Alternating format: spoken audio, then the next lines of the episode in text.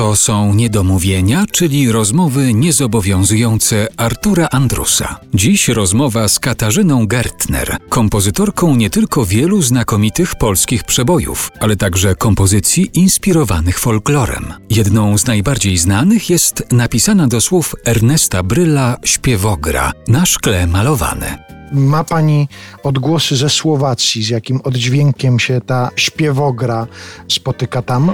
Powiem, dlaczego o to pytam. Ja mam przyjaciół Słowaków, którzy traktują na szkle malowane jako swoje. Jako swoje, jako część, ważną część słowackiej kultury na, właściwie. Owszem, w Bratysławie, nie wiem czy w tej chwili, ale jeszcze niedawno, ale to było już 45 lat bez przerwy w jednym teatrze idzie śpiewoga. Tak jak na West Endzie, jak grają Jesus Christ Superstar, to on idzie powiedzmy 40 lat. W Polsce w tej chwili jest negrane.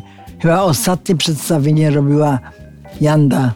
To było w 90 latach tak, jeszcze, tak. Tak, chyba siódmy, może jakiś. Ja całą muzykę oparłam na folku. I ten folk był wtedy czymś nowym to były gitary dwunastki, więc one były zaprawione czasem bluesem. A mam jedną anegdotę na temat gitary i pewnego wokalisty, to potem powiem tylko, żeby nie zapomnieć. Bardzo śmieszną historię. I to była podstawa do folku, który był góralskim językiem muzycznym. On jest inny trochę niż normalna muzyka, ale mój ojciec urodził się zakopanym. Więc ja ten folk góralski miałam w żyłach od razu od urodzenia, bo jak były bankiety, imprezy w domu, ryczało, śpiewało się na całe gardło piosenki po góralsku. Ale matka była ze Śląska, więc jak przychodzili na Śląskie, to ryczeli po śląsku, bo się mówiło warą śląską w domu też. Na folku było życie oparte muzyczne moje. I teraz też rozumiem skąd na przykład potem jak komponowała pani muzykę do pomsty, czyli zemsty po śląsku. A nie, to było sześć tygodni to było gotowe. No tak, ale rozumiem, że to trzeba też czuć, no ten klimat no, tej trzeba muzyki znać język. To jest oparte na folklorze śląskim, który mam też od urodzenia we krwi.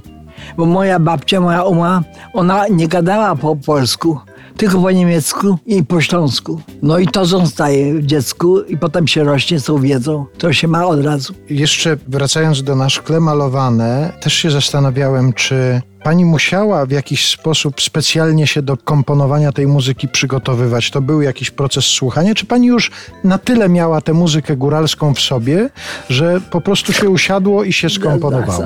Nagle Andrzej Zieliński wjechał do Stanów i pamiętam jak dziś on miał robić muzykę do na szkle malowane, no góral prawie z urodzenia. Ale jego nie było. To Bry się dowiedział jakiś takiej panience jak ja i uparli się, że ja zrobię. E, bo ojca też mam zakopanego. Ile czasu? Siedem tygodni. Ale Bry na teksty były gotowe. Prosto do śpiewania. Tam nie trzeba było nic zmieniać. Po prostu ja usiadłam i w te parę tygodni napisałam całą muzykę. Musiałam teraz przebrnąć przez jeden problem, jak zmusić wokalistów, na przykład sopran koloraturowy, albo tenory, bo to było gorsze. Śpiewajcie białymi głosami, to jest muzyka góralska. Nie będą, bo mi się głosy zepsują. No i był bunt ale ja miałam już spryt od urodzenia. Mnie w muzyce nikt nie przerobi. To ja wam pokażę inną rzecz.